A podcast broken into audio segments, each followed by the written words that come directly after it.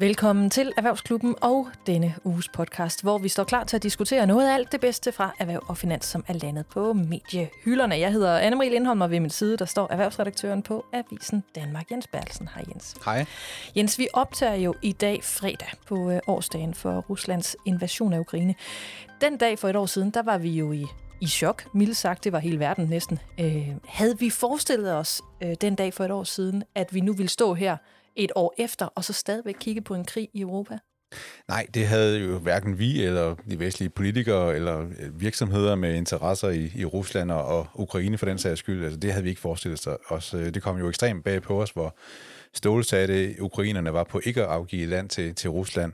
Og det tog også tid at forstå, hvor stålsat øh, Putin har været på at vinde den her krig. Og når det ikke lykkedes ham i en fart, jamen, så har vi også lært, at han har jo åbenlyst ikke tænkt igennem, øh, hvordan krigen så skal, skal afsluttes. Mm. Så det ser, det ser desværre meget øh, langvejt ud. Det, der jo ret hurtigt skete for et år siden, det var jo, at Vesten helt øh, generelt pålagde øh, Rusland en masse sanktioner for, altså på den måde forsøge at lukke ned for russisk økonomi, straf den den vej rundt, og så i øvrigt jo så også den russiske krigsmaskine. Når vi kigger på effekten af de her sanktioner i dag, hvor store har de så egentlig været? De har ikke været så effektive, som, som vi talte om dengang. Altså dengang var det jo sådan noget med, at det russiske samfund øh, hurtigt ville gå i stå. Øh, de, de kunne ikke købe varer i udlandet. Øh, de kunne ikke gennemføre betalinger med udlandet. De kunne ikke få reservedele til deres vestlige fly, så, som, så flyene skulle stå, stå på jorden.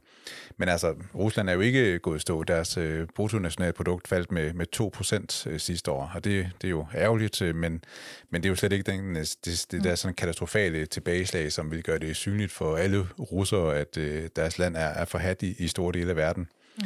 Øh, og vi havde jo ikke taget med, at Rusland stadig ville få de her enorme indtægter fra øh, salg af olie og, og gas, øh, og samtidig ser det også ud til, at, at selvom Kina ikke siger det højt, jamen så... Øh, så, øh, så, så, så støtter de jo sådan til Rusland. De har et rigtig godt forhold til hinanden, de, de to lande, og, og handler virkelig meget med hinanden. Øh, så er der mange, der siger, at, at på den længere bane, så kommer det til at blive meget mærkbart for, for Rusland, at de har tabt øh, Vesten som, som øh, samhandelspartner. Øhm, og også som stor kunde af, af olie og, og, og naturgas. Men øh, ideen var ligesom, at det skulle være her nu, at de skulle mærke effekten jo. Mm, ja. Jeg så, at øh, Bloomberg de har, de har udgivet en liste over de rigeste russiske oligarker, og det ligner altså, at de har betalt en pris på den måde, at de er gået fra at være helt absurd øh, rige til mindre, men stadig absurd rige. Hvordan, hvordan har krigen ramt øh, dem? Det er jo også nogle vigtige aktører altså i det her, ikke? Jamen det er det jo, og deres øh, formuer er jo ikke forsvundet, men, men der er jo sket det, at de penge, de havde øh, placeret i Vesten, er jo i vid udstrækning blevet indefrosset. Øh, de har jo så prøvet at få, at få flyttet deres øh, formuer og deres lystjagt og sådan noget til, til lande, hvor der ikke er sanktioner. Men jeg så et uh, telegram fra uh, nyhedsbureauet AFP om, at, uh, at det er jo et stort uh, 60 for et uh, milliardbeløb i, i kroner, som er uh, blevet låst inde, kan man sige. Altså bare i Storbritannien, hvor uh, mange kan, kan har hørt om de her russere, der sidder på store ejendomme centralt i, i London. Der har de britiske myndigheder simpelthen, simpelthen indefrosset værdier for over 150 milliarder kroner. Så lige nu der sagsøger de her oligarker, så myndighederne både i USA og i øh, Europa for at få øh, øh, øh, fingre i deres penge igen, fordi de føler sig åbenlyst urimeligt behandlet. Der er en øh, russisk øh, bankdirektør, Petra Arven, som øh, han afviser, han har nogen som helst forbindelser til, til Putin, øh, så han, han har ansøgt Storbritannien om lov til at få frigivet en øh, halv million kroner af sin egen formue øh, hver måned, sådan til familiens almindelige øh, for, fornødenheder. Vi tager turen hjem igen, hvor øh, de første brækker i øh, det store overenskomst puslespil blev lagt i søndags, hvor Dansk Industri indgik øh, overenskomstaftale med sammenslutningen CO Industri, der jo forhandler på vegne af ca. 230.000 danske lønmodtagere. Det er den ene af de to såkaldte gennembrudsforlig, som jo plejer at sætte retningen for alle de andre overenskomster, og i år har mange jo på forhånd udtrykt bekymring for, at, øh, ja, for at, øh, at det hele det kunne ende i sammenbrud og stor konflikt. Ikke kun på grund af regeringsplaner om at nedlægge store bededage, men den sag har så ikke gjort problemerne mindre. Vi er ikke i mål endnu, men Jens, hvis du skal analysere lidt på reaktionerne her en lille øh, uges tid efter, hvad konkluderer du så? Vi står i hvert fald med to parter, altså arbejdsgiverne på den ene side og fagbevægelsens øh, forhandlere på den anden, som har travlt med at præsentere det her forlig som en, som en succes. Øh, Dansk Industris bestyrelse har allerede godkendt øh, aftalen, og nu skal, nu skal lønmodtagerne jo så til, til afstemning. Det kan vi ikke vide, hvordan det går, men øh, der lader til at være enighed om, at, at det er i hvert fald super godt, at de her parter i, i så specielle øh, økonomiske tider, som vi er i, at de har været i stand til at og enes om en aftale, uden at det har ført til det her store sammenbrud eller store konflikt, som, som nogen havde forudset. Øh, arbejdsgiverne synes, at øh, det har været dyrt for dem. De synes, de har givet sig meget, og fagforeningerne de synes jo, at de har været meget øh, tilbageholdende.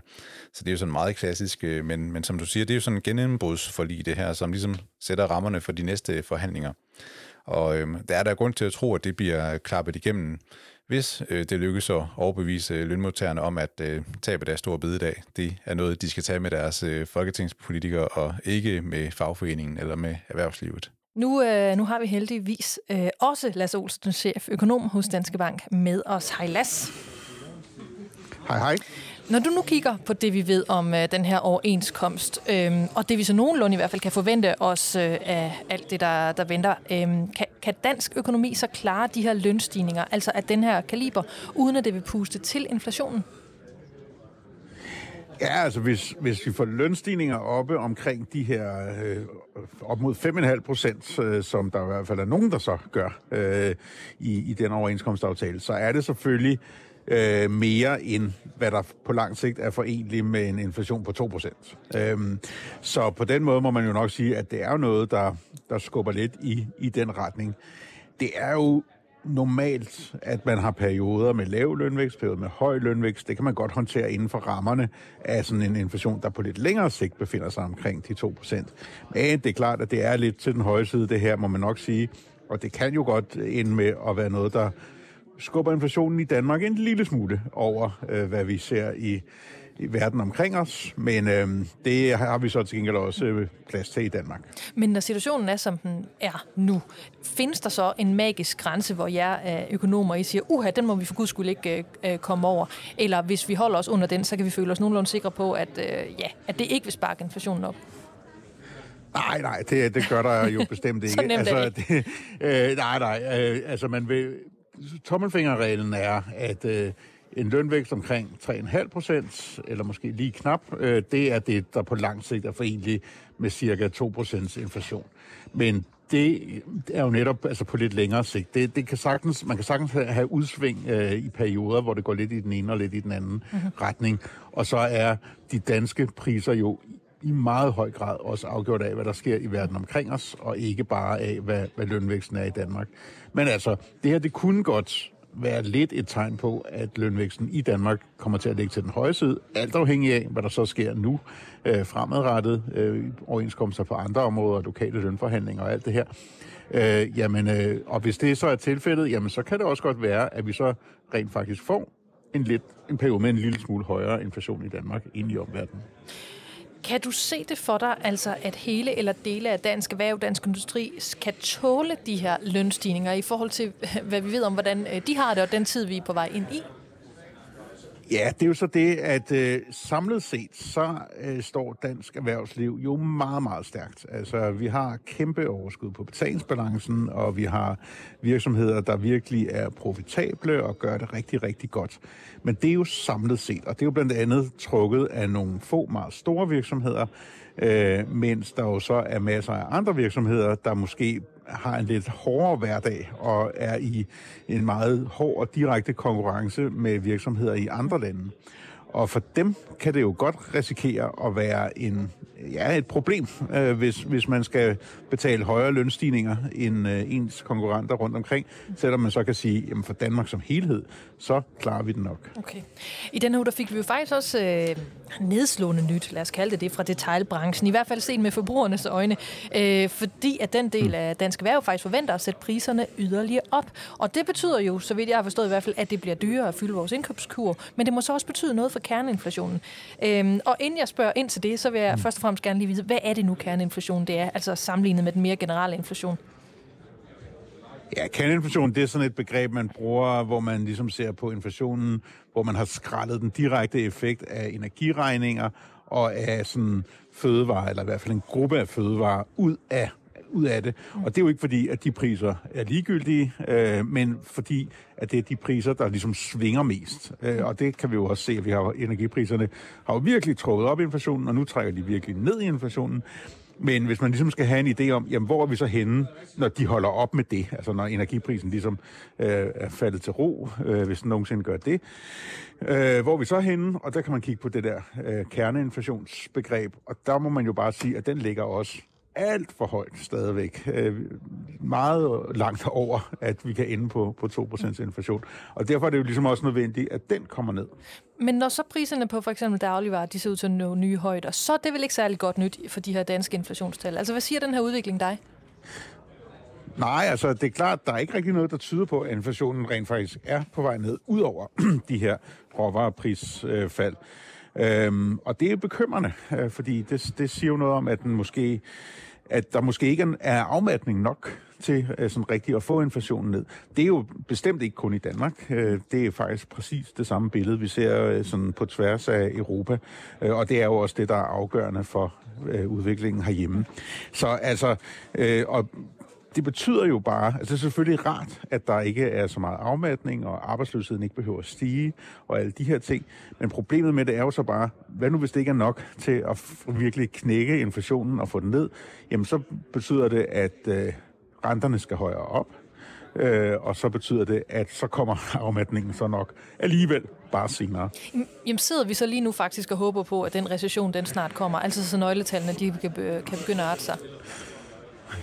vi håber på, at det lander lige perfekt med sådan, øh, at, at øh, der lige kommer lige så meget afmatning, så, øh, så der lige præcis øh, bliver øh, at inflationen lige bliver dæmpet nok, altså virksomhederne simpelthen ikke lige kan sætte priserne mere op, og øh, lønningerne lige stiger sådan på den rigtige måde, øh, og det lige alt går rigtig godt. Og sandsynligheden for, at det sker, den er jo selvfølgelig ikke særlig stor, fordi øh, det er jo sjældent, at tingene går fuldstændig øh, glat, ikke? Så, så, øh, men altså, det er jo bare den balancegang, øh, der simpelthen er. Så ja, man, altså, man kan sige, hvis vi alligevel skal have en afmatning for at få inflationen ned, så vil vi egentlig hellere have den før end siden. Ja, okay. øhm, fordi jo længere man venter, jo, jo, jo værre er det nødt til at være. Øh, men øh, men øh, så, så, så derfor vil vi gerne se en lille smule opbremsning, sådan så vi ikke behøver at se så høje renter. Men vi vil selvfølgelig helst ikke se en alt for hård opbremsning, øh, hvor der lige pludselig er en masse arbejdsløse og en masse virksomheder, der må lukke og alt sådan noget. Men hvad, hvad tror du egentlig, der sker? Altså nu ved jeg godt, det er så komplekst, så jeg kommer heller ikke til at bruge det her imod dig, hvis du tager ja. fejl. Men hvad, hvad tror du, der kommer til at ske? Nej, men altså, jeg, jeg, jeg tror jo på, at det faktisk vil lykkes at, at få det til at lande nogenlunde øh, gelente. Det er jo det er jo ligesom det, der, hvis man skal pege på én ting, øh, der er mest sandsynligt, så, så må det jo være det, fordi hvis det var åbenlyst, at vi var på vej ud i den ene eller den anden retning, jamen så kunne man jo også gøre noget ved det og reagere på det og tilpasse øh, den økonomiske politik til det. Øh, men altså, øh, som jeg ser det, er der bare en kæmpe risiko for, at det enten øh, bliver en for dyb afmatning, sådan så vi rent faktisk lige pludselig har sådan en eller anden form for krise i løbet af året, øh, fordi man simpelthen, øh, altså der lige pludselig kommer en kæmpe effekt af de rentestigninger, der allerede har været for eksempel, eller det modsatte, som så er det, der måske er blevet mere sandsynligt her på det seneste, jamen at vi ikke får nok afmatning, inflationen ikke kommer nok ned, og vi derfor er nødt til at få endnu en opstramning, endnu højere renter, og så få en afmatning måske i løbet af næste år. Risikoen for de ting, den er meget stor i øjeblikket. Sigtbarheden er meget, meget dårlig, fordi vi navigerer altså i et område af økonomien, som vi ikke har prøvet ret tit. Det er jo øh, 40 år siden, vi sidst havde så høj inflation. Øh, og altså, de modeller, der ligesom er til at sige noget om, hvad, hvordan reagerer økonomien på renteændringer og andre ting, jamen de er jo ikke bygget til at svare på, hvad der sker i sådan et miljø, som vi er nu. Så, så vi må bare være rigtig ydmyge øh, og se, hvad der sker. Øh, og det kan sagtens ende fint, men risikoen for, at der er et eller andet, der går galt i den ene eller den anden retning, den er stor. Vi står i tæt tog med toglygter, der ikke dur. Øhm, Ja. lige, øh, lige her til sidst, Lasse, så øh, onsdag der fik vi jo nye tal, der viser, at regeringen har øh, sådan set skovler penge ind i en sådan grad, at vi har været i stand til at høvle øh, historisk meget af på vores øh, statsgæld.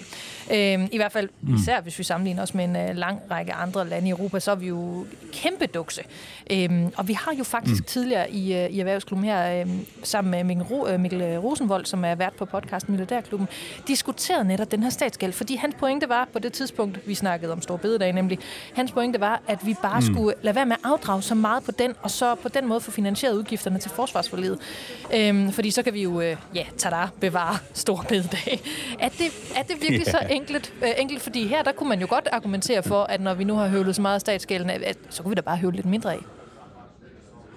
Nej, så enkelt er det øh, nemlig ikke, fordi man kan sige, hvis vi vil bruge flere penge på forsvaret, eller på øh, syge, sygehusene, eller vi gerne vil lette skatten, eller hvad man nu ellers gerne vil gøre politisk, jamen det er jo alt sammen sådan nogle ting, der permanent øh, belaster de offentlige udgifter.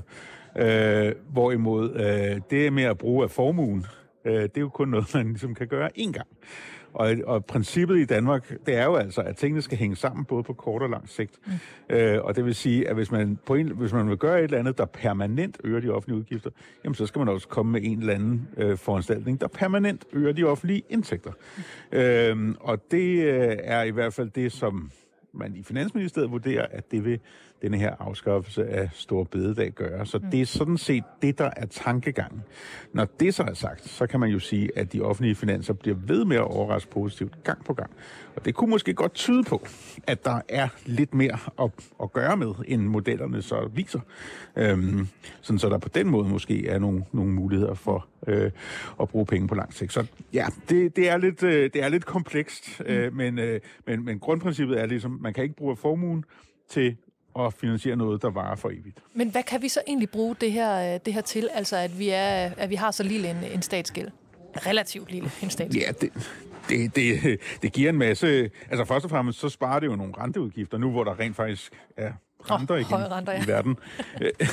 ja, så, øh, så må man jo sige, at det er en fordel at have en lille gæld, for så får man ikke så store renteudgifter. Og det gør jo, at vi har mere at rute med, end vi ellers ville have haft. Øhm, men øh, så er det jo også bare en styrke for, for Danmark og for dansk økonomi. Der er altså simpelthen ikke ret mange lande i verden tilbage, der har de der virkelig, virkelig stærke offentlige finanser og den bedst mulige kreditvurdering øh, af deres offentlige gæld. Og det giver helt klart nogle fordele i forhold til os renteniveau i Danmark, og også i forhold til når vi som boligkøbere skal ud og låne penge, så er det klart en fordel at, at, at gøre det fra et udgangspunkt af et land, der, der ser så, så godt ud. Okay. Lars Olsen, cheføkonom hos Danske Bank. Tusind tak, fordi du er med i Erhvervsklubben endnu en gang. Selv tak. En hackergruppe, der tidligere har stået bag angreb i Sverige, påstod onsdag, at øh, ja, den her gruppe står bag angreb på danske lufthavne. Det var blandt andet Københavns Lufthavn, der onsdag morgen oplevede uregelmæssigheder på, på, på hjemmesiden. Øhm, på det sociale medie Telegram, eller Telegram, der har en profil ved navn øh, Anonymous Sudan lagt et billede op af en flyver, som er ved at styrte ned over en ørken, og under billedet så står der så, infrastrukturen i det danske lufthavne er blevet lagt ned på grund af koranafbrændinger. Og det her det er så årsagen til, at vi har taget fat i dig, Michael Andersen, der er datagissels, forhandler og foredragsholder. Hej med dig. Hej. Du var faktisk ude inden det her angreb onsdag advar om, at det var på vej, fordi du har jo set øh, den her, øh, det her opslag. Hvorfor var det, du vidste det på forhånd?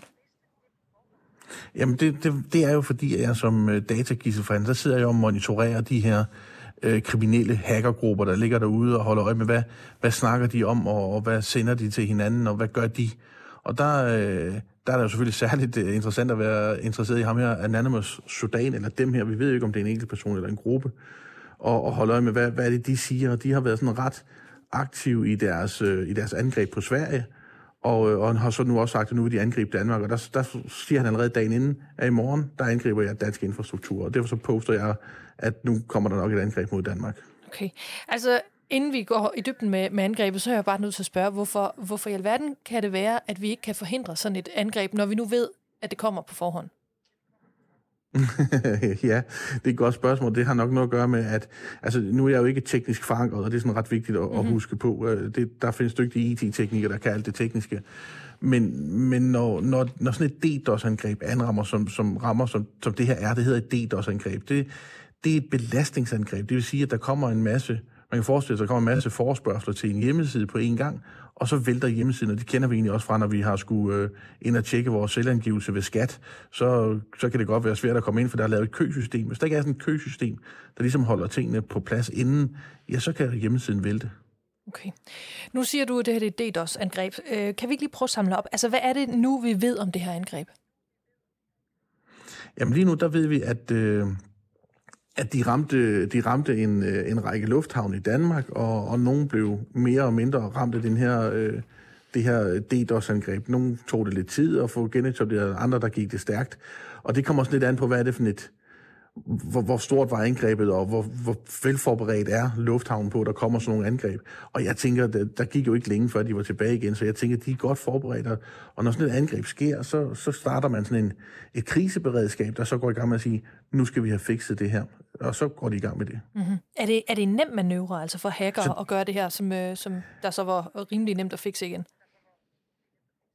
Ja, om det er en nem manøvre, det ved jeg faktisk ikke. Øh, men men øh, de er jo rimelig dygtige til at gøre det, og, og specielt nogen, som hedder Killnet, som Anonymous Sudan faktisk er, er, er relateret til, jamen de har siden starten af, af krigen i Ukraine været rigtig aktive på at lave masser af angreb, og er dygtige til det. Så, så dem, dem kender vi rigtig, rigtig godt, og de, de har været, været lidt rundt omkring øh, i Europa, øh, og, og altså alle dem, der i det hele taget støtter Ukraine, mm. har de jagtet ret hårdt. Så ved, ved vi mere om den her gruppe, end det du er inde på her?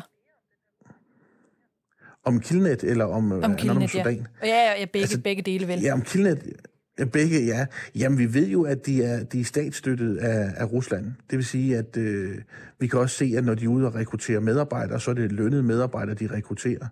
Øh, vi kan se, at, øh, at de, målret, altså de, de kører masser af propaganda, øh, også på deres egne sider, for at, at holde folk aktive i forhold til krigen mod Ukraine. Altså de er, de er pro-russiske og, og sværer, sværer deres troskab til, til Putin og det russiske regime.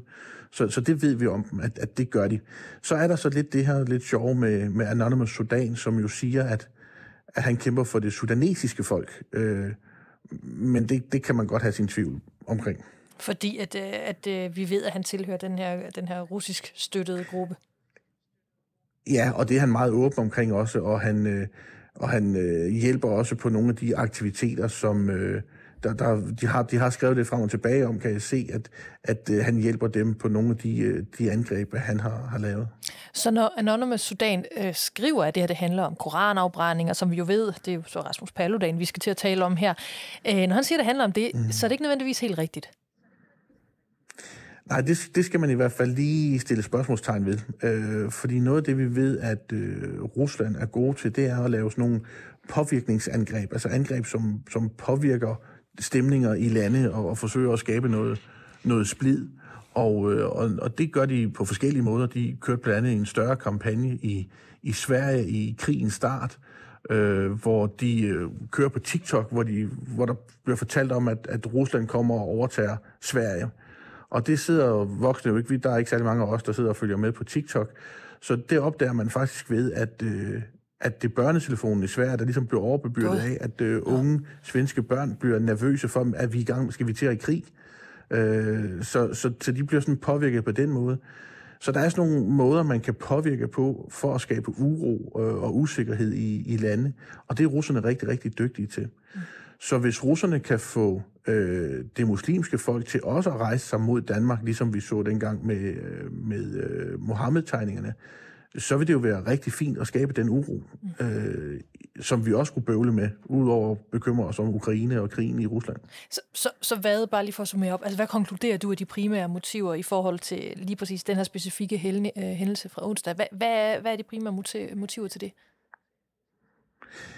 Altså, jeg, jeg kan være bange for, at det er et motiv, der forsøger at skabe lidt, øh, lidt splid i, i landene. Øh, måske lidt kamp mellem, vi har allerede set det nu, ikke mellem øh, Tyrkiet og, og Sverige. Og nu er det jo Sverige, man også har brændt Koranen af, og det har været op at vende tidligere, at øh, det kan være en af grundene til, at Tyrkiet ikke vil have øh, Sverige med i NATO. Så der, der kan være en masse ballade i det, som man ønsker at skubbe lidt til. Mm. Øh, om ikke andet, så, så får man bevist, hvad har vi egentlig af magt, hvad har vi af, af muligheder for at, at påvirke jeres infrastruktur. Det får de i hvert fald øh, i den grad bevis med det her. Og øh, så vidt jeg har forstået det, så slutter historien vel, vel ikke her i forhold til det her angreb øh, onsdag. Er der, er der ikke faktisk kommet mere nyt til i forhold til, hvad vi kan vente os? Jo, det er der faktisk, fordi at, øh, at i, der sker det, da, da angrebene kommer, der er der nogle, der er der nogle tjenester, der finder ud af, at, øh, at der er cirka 61 øh, server i Tyskland, som bliver brugt til de her DDoS-angreb, og dem får man lukket ned. Og, øh, og det melder man øh, åbent ud, øh, og det, det vælger øh, Anonymous Sudan så at sige, hey, hey, hey, det kan godt være, at I har taget de 61 øh, 61 øh, server, men vi kan stadigvæk. Og så for ligesom at dokumentere, det kan de godt, så har de angrebet de danske universiteter øh, i går. Og, og hvorvidt, det, det har man ikke hørt noget i pressen, så man ved ikke, om det er rigtigt eller ej. Øh, så det skal men vi lige understrege, det, sker, det, er, det, vi skal lige understrege, det er for lyden nok også, men det er i hvert fald det, de har øh, meldt ud, at de har gjort, ja. Det er det, han har meldt ud, han har gjort, og, og mm-hmm. der plejer at være hold i det, han melder ud, skal vi så huske. Okay. Øh, og så, så siger han så, at det her det var bare lige nogle små angreb, jeg har lagt ud, bare for lige at forberede jer på, at vi kommer med et stort, powerful attack. Så øh, I skal holde op med at lyve omkring, øh, hvad vi kan og ikke kan. Vi kommer med en kæmpe overraskelse til jer. Og så skriver han ned under, hvis vi har nogle... Øh, hvis vi har nogle inquiries af steder, vi gerne vil have angrebet, så kan vi jo lige skrive det til ham. hvad, hvad ligger du i alt det her, når du hører, når du hører ham sige det? Der skal vi tage den trussel meget alvorligt? Ja, det synes jeg, vi skal. Altså, fordi vi er nødt til også at gå baglæns og sige, hvor, hvor, hvor aktiv har han været i Sverige, og der har han, der har han været rigtig aktiv. Øh, så det synes jeg, vi skal, og, og øh, vi skal huske, at han, har, han er en officiel del af Killnet, og Killnet kan altså nogle ting også. Øh, så så det, det synes jeg, man skal være opmærksom på. Og, og jeg ved også, at, at øh, der er en anden profil, der hedder Passion, som står bag sådan en, en ny, en ny altså en DDoS-program. Altså man, man kan få sådan noget DDoS as a service-platform. Det vil sige, man kan købe sig øh, adgang på sådan en platform, og så kan man ellers gå i gang med at lave, lave angreb. Og der, der kan man sige, sådan et, sådan et øh, abonnement koster 30 øh, dollar om måneden. Øh, så øh, nej, det passer ikke. Det er, for, det er syv dage, der koster 30 dollar, så kan man købe et helt års øh, adgang til det her øh, hackerværktøj. Det koster så øh, 1400 dollar. Og så kan man ellers bare hacke mok. Og det, som der er med det her værktøj, sådan som jeg forstår det, øh, det er, at øh, det har også fundet ud af, at de her forsvarsmekanismer, man, man kan sætte op mod DDoS-angreb, det har de fundet ud af at bekæmpe også. Øh, og det er et nyt produkt, der lige er kommet ud her i januar måned. Well. Men Michael, så, så spørger man sig selv, altså, hvor dygtige er de? Altså, de kan genere en masse lufthavns øh, hjemmesider i sådan en aktion her. De har, de har øh, det DOS øh, på, på abonnement. Men altså, det vi jo egentlig for alvor er bange for, det er jo, at de med et snuptag pludselig overtager flyvekontrollen i lufthavnen, eller de får adgang til vores ja. sundhedsvæsen, eller hacker sig ind på elforsyningen, eller sådan noget. Altså, hvor meget hvor bekymret ja. er du for det? Fordi det er jo det er trods alt instanser, som forhåbentlig er top forberedt på, på den slags angreb. Ja, det må vi håbe. Men, men, men det er ikke det, som DDoS-angrebene gør. Øh, det, det, det er ret vigtigt, at man husker. For man kan sige, at DDoS-angrebene er måske i virkeligheden, forstår mig ret, ligegyldige. De er selvfølgelig til stor gene, og de er en belastning, og de er trælse for de virksomheder, der bliver ramt. Men så er der heller ikke mere i dem. Det er, det er engang herværk. Det er, det er, er ingen, som der dør at, af det, altså. male noget graffiti på væggen. Nej, præcis. Øh, selvfølgelig, hvis man, laver, hvis man lægger et system ned, som, øh, som vi er afhængige af i forhold til, nu havde vi den her sag med DSB, det var så ikke et DDoS-angreb, men, men hvor en ekstern leverandør bliver lagt ned og har svært ved at komme op og stå igen, så kan vores tog ikke køre. Ja, det er jo til gene, det, det er klart, det siger sig selv. Men vi må formode, at vores øh, sundhedsvæsen og vores øh, lufthavn osv., de er dækket godt nok ind i forhold til at passe på, i forhold til de angreb, hvor man er inde og stjæle data eller lukke data ned, som er jo en helt anden slags angreb. Okay. Altså, hvis du ellers tør spekulere i det, hvad, hvad, hvad tror du så, vi skal forvente os, hvis vi, hvis vi lader det stå til trone, at det her øh, større eller store angreb, det er faktisk er noget, der bliver, bliver reelt, det er noget, der venter. Hvad, hvad, hvad, hvad kan man så forestille sig, at der vil, der vil blive ramt? Jamen, så skal vi forestille os, at de, øh, at de igen øh, går efter eksempelvis, øh, hvad hedder det, øh, de går efter øh, sygehuse og sådan noget. Øh, altså igen en del af vores infrastruktur, men det er igen det er hjemmesiderne og så videre. Der er en profil, der hedder Phoenix, der har svor, at nu vil han lave angreb mod, øh, mod mentalhospitaler. For han, han siger, at når vi nu vil give øh, våben til Ukraine, så må det være, fordi vi er sindssyge. Så hvis vi fjerner alle de sindssyge, så øh, giver de ikke flere våben til Ukraine. Mm. Så det er sådan en, en tanke, han har, og så gik han i gang med at lave nogle angreb mod mentalhospitaler rundt omkring i Europa. Så, så, så de har jo mange forskellige tanker, de har forskellige argumentationer for, hvorfor gør de, hvad de gør. Øh, men det, der er sikkert, det er, at hvis man er styret af, af, af eksempelvis staten, den russiske stat, jamen så vil man jo angribe mål, der er til gene. Og derfor har man jo også været inde og ramme øh, statsministeriet, forsvarsministeriet, forsvars efterretningstjeneste, de har jo også været ramt her sidste år, så, så det er det, de vil gøre. Mm.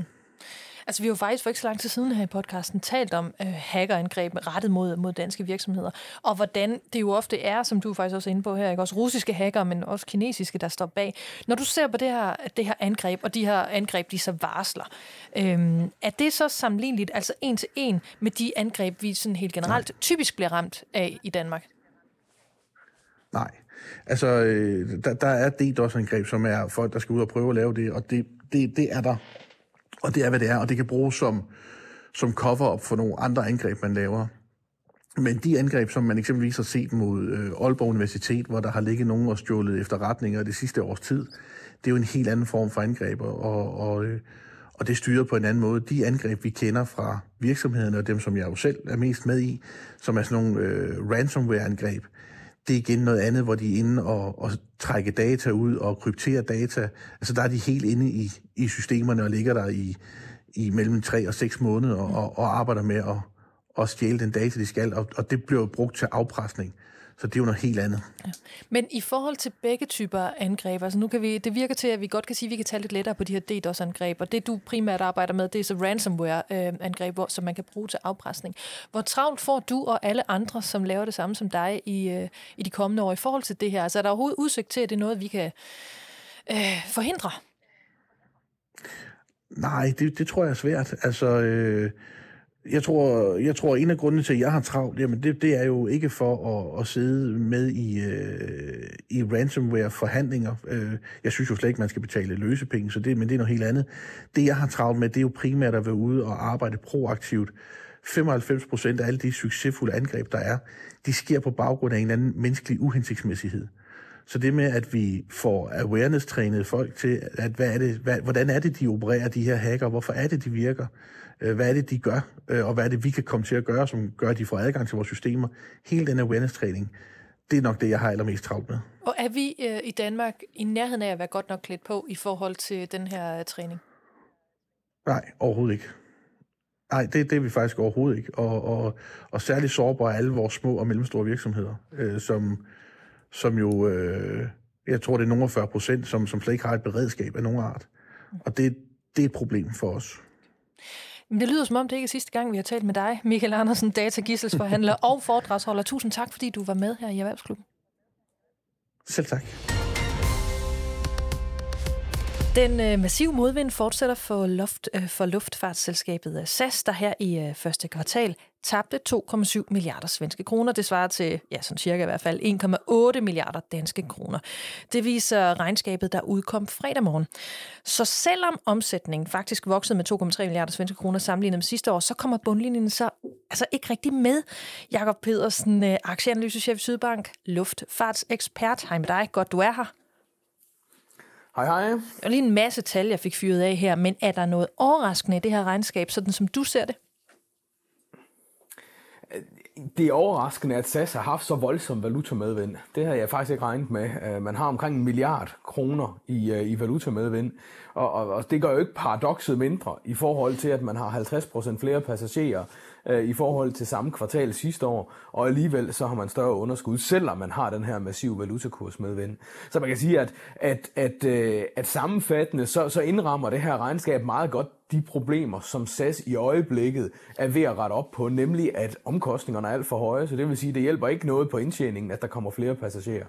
Ja, ja, fordi du siger du omkostninger. Altså, hvordan kan det være, at det ikke er lykkedes SAS at hæve indtjeningen mere, end antallet af passagerer er, øhm, er steget? Altså, er der også noget, der har rykket sig i forhold til omkostningerne? Er de, er de steget siden sidst? At der er jo ingen tvivl om, at, brændstofomkostningerne er jo bullet af. Øh, siden, siden SAS rapporterede for et år siden, der har vi jo haft krigen i Ukraine, eller fået krigen i Ukraine, og, og, og, og massivt stigende brændstofomkostninger i en periode. Øh, og det er noget, som stadigvæk er, er rigtig dyrt for SAS, men virkeligheden er jo stadigvæk også, at, at, at, øh, at, at, det, at det, det, det er svært fuldstændig at overvælte de priser på, på kunderne, fordi så havde SAS jo kunnet løfte indtjeningen. Okay. På trods af alt det her, som du er, du er inde på, så hæver SAS forventningerne til det kommende år. Giver det så mening for dig med, med det, vi ved nu? Øh, nej, ikke særlig meget.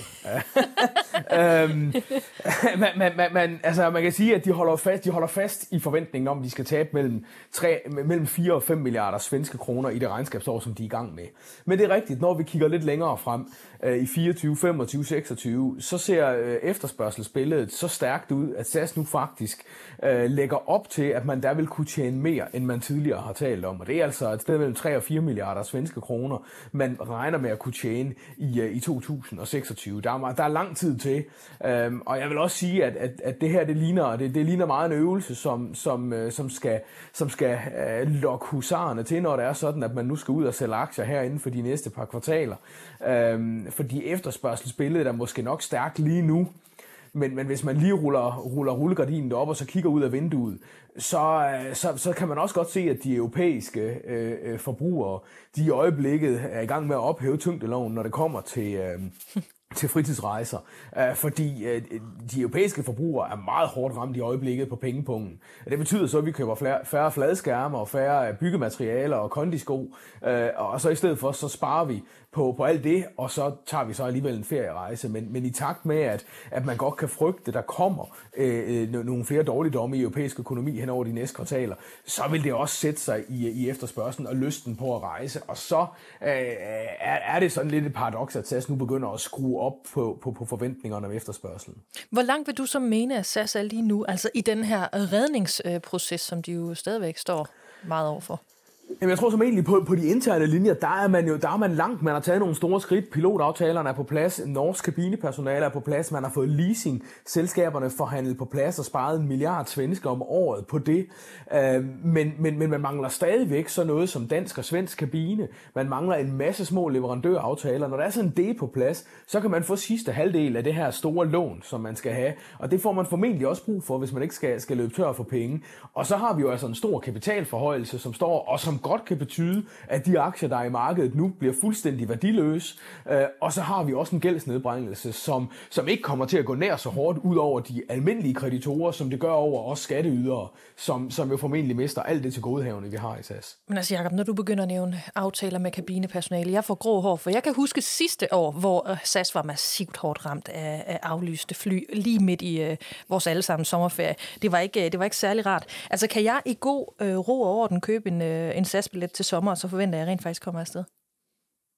Ej, det forventer jeg bestemt ikke, der skulle blive problemer med. Der ligger jo faktisk i, i nogle af de aftaler, man har med, med Apollo, øh, der ligger jo en, øh, kan man sige, en betingelse om, at, at øh, strækker, sådan større strækker, det kan man selvfølgelig altid, altså det er lidt elastik i metermål, men strækker, det er i og for sig at betragte som misligeholdelse af lånet. Og så kan Apollo sige til SAS, prøv at høre, I kan ikke låne pengene længere, værsgo, I konkursvenner.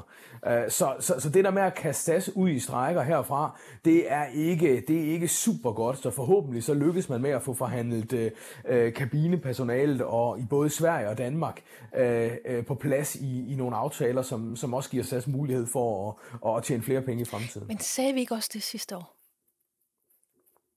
Jo, det er rigtigt, og der er mange ting, der skal gå op i en højere enhed, men, men, men jeg, jeg, jeg synes også, at der er nogle, nogle klare øh, indikationer af, at det, at man er trådt ind i den her konkursbeskyttelse, at det hjælper. Mm. Det bør også hjælpe i forhold til at få, få, få kreditorerne banket på plads, så man kan få noget, noget afslag i gælden der. Øh, men, men det er klart, der er stadigvæk en masse sten, der skal ryddes af vejen for SAS, inden man, inden man kan komme lykkeligt ud af den her konkursbeskyttelsesproces. Det kommer formentlig til, til at ske i, mod, mod, øh, ja, mod ja, et stykke ind i anden halvår i år. Jakob Pedersen, aktieanalysechef i Sydbank. Tusind tak, fordi du lige gjorde os øh, klogere på det her SAS-regnskab. Velbekomme, det er en fornøjelse at være med.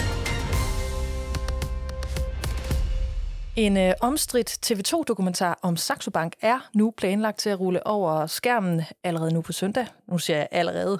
Det er nok en overdrivelse. Ifølge TV2 øh, udsættes øh, investeringsbankens øh, forretningsmodel for kritik, mens en flersidet twist mellem øh, de to stiftere, Lars Seier og Kim øh, Foné, så også åbenbarer sig i, øh, i den her dokumentar. Jens, vi kiggede jo lidt, da dokumentaren for, for ikke så lang tid siden blev taget af plakaten. Øhm, hvad er det nu, vi ved sådan mere konkret om, hvad dokumentaren den går ud på?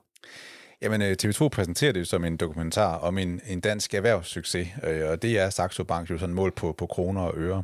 Men med den tilføjelse, at øh, TV2 også stiller skarp på, på Saxo Banks øh, sådan mere casino-lignende forretningsmodel, som jo har gjort øh, stifterne Lars Seier Christensen og Kim Foné ekstremt rige. Ja, og hvis vi nu lige tager Saxo Bank, altså fra en ende af, hvad er det så for et eventyr, altså de her to stifter, Lars Seier og Kim Foné, de står bag? Jamen, de opfandt jo sådan lidt en ny måde at investere sine penge på, og det er sådan det, det centrale her. Øh, om det, de har tilbudt, om det har været ren øh, gambling, eller om det er noget, der bare er, er målrettet øh, til folk, der sådan er spekulativt øh, anlagt, som, som Lars Seier, han åbenbart siger det i, øh, i dokumentaren. Øh, programmet handler jo også om, at det i høj grad har været øh, russiske kunder, øh, apropos øh, Rusland, der har, der har gjort Saxo Bank store, og det lyder jo en lille smule øh, kontroversielt. Øh, og så er der jo åbenbart øh, massive konflikter mellem de to øh, stiftere, som bliver rullet ud, øh, både om, hvordan man egentlig skal beskrive øh, Saxo Banks øh, forretningsmodel. Det synes jeg, der er interessant efter så mange år, de har arbejdet sammen. Øh, men også om, hvordan deres veje skiltes, da Lars Seier solgte sine aktier tilbage i 2018. Ja, fordi den her twist der, altså, de, de blev jo så uenige, at Lars Seier trækker sig fra selskabet, men, men det er jo som om, vi får meget mere at vide nu om, hvad, hvad det hele egentlig går ud på. Altså, hvad ved vi mere konkret om forløbet nu? Altså, ifølge TV2, som, øh, som jo har foromtalt programmet her, så, så skal der være tale om en, en sommerfest i Saxo Bank, som er kørt helt af, af sporet. Øh, det mener Kim øh, Foné i hvert fald. Øh, han siger, at Lars Seier ville smide ham, altså Foné, ud mm-hmm. af, af banken. Øh, det afviser Lars Seier. Han, han øh, kan slet ikke huske, at den episode skulle have fundet sted, men at det var Fonet, der gerne ville øh, have Lars Seier ud af banken. Så det lyder jo sådan lidt som en sladderhistorie på, på den allerøverste hylde med, med to af, af landets mest profilerede milliardærer, som man altså øh, kan, kan se på, på TV2. Og jeg glæder mig meget til at se, om jeg overhovedet bliver klogere på, hvad den tvist egentlig går ud på, og hvem der har ret. Men vi er jo så også blevet klogere på, hvorfor den her dokumentar øh, midlertidigt blev sat på pause. Hvad er det, TV2 forklarer? Ja, der har jo været et kæmpe slagsmål mellem Saxo Bank og TV2, og TV2 valgte jo i efteråret sådan af flere omgange at udsætte øh, dokumentaren. Og vi var jo sådan lidt i tvivl om, den nogensinde ville blive vist, og det havde jo så i givet fald været et kæmpe nederlag for, for TV2. Øh, nu er den så øh, klar alligevel, og vi kan, ikke, vi kan ikke sådan rigtig vide, hvad der er sket i mellemtiden. Øh, vi ved, at øh, Kim Foné har bedt om at kunne trække nogle udtalelser tilbage, øh, blandt andet om de her russiske kunder. Øh, han siger til TV2, at der er tale om en fejlerindring. Øh, og det lyder jo mm-hmm. lidt mærkeligt, at en så, så øh, tung topchef på det niveau kan sidde foran et kamera med mikrofoner og lys på sig og og så komme til at sige noget, han øh, ikke helt har styr på om, om sin egen historie. Ja, og så vidt jeg har set i øvrigt være adviseret om præcis, hvad det var, han skulle tale om, både for inden. Nemlig, ja. og så fanger bordet jo øh, trods alt, så jeg, jeg kan godt forstå, at TV2 øh, alligevel har lyst til at, at bringe de citater, også øh, dokumentaren. Men, men har det egentlig, i forhold til det her med, med forretningsmodellen, har det egentlig været al, alment øh, kendt, det du er jo også inde på her? Altså, at, at den blandt andet baserer sig på, på russiske kunder sådan som grundkomponent?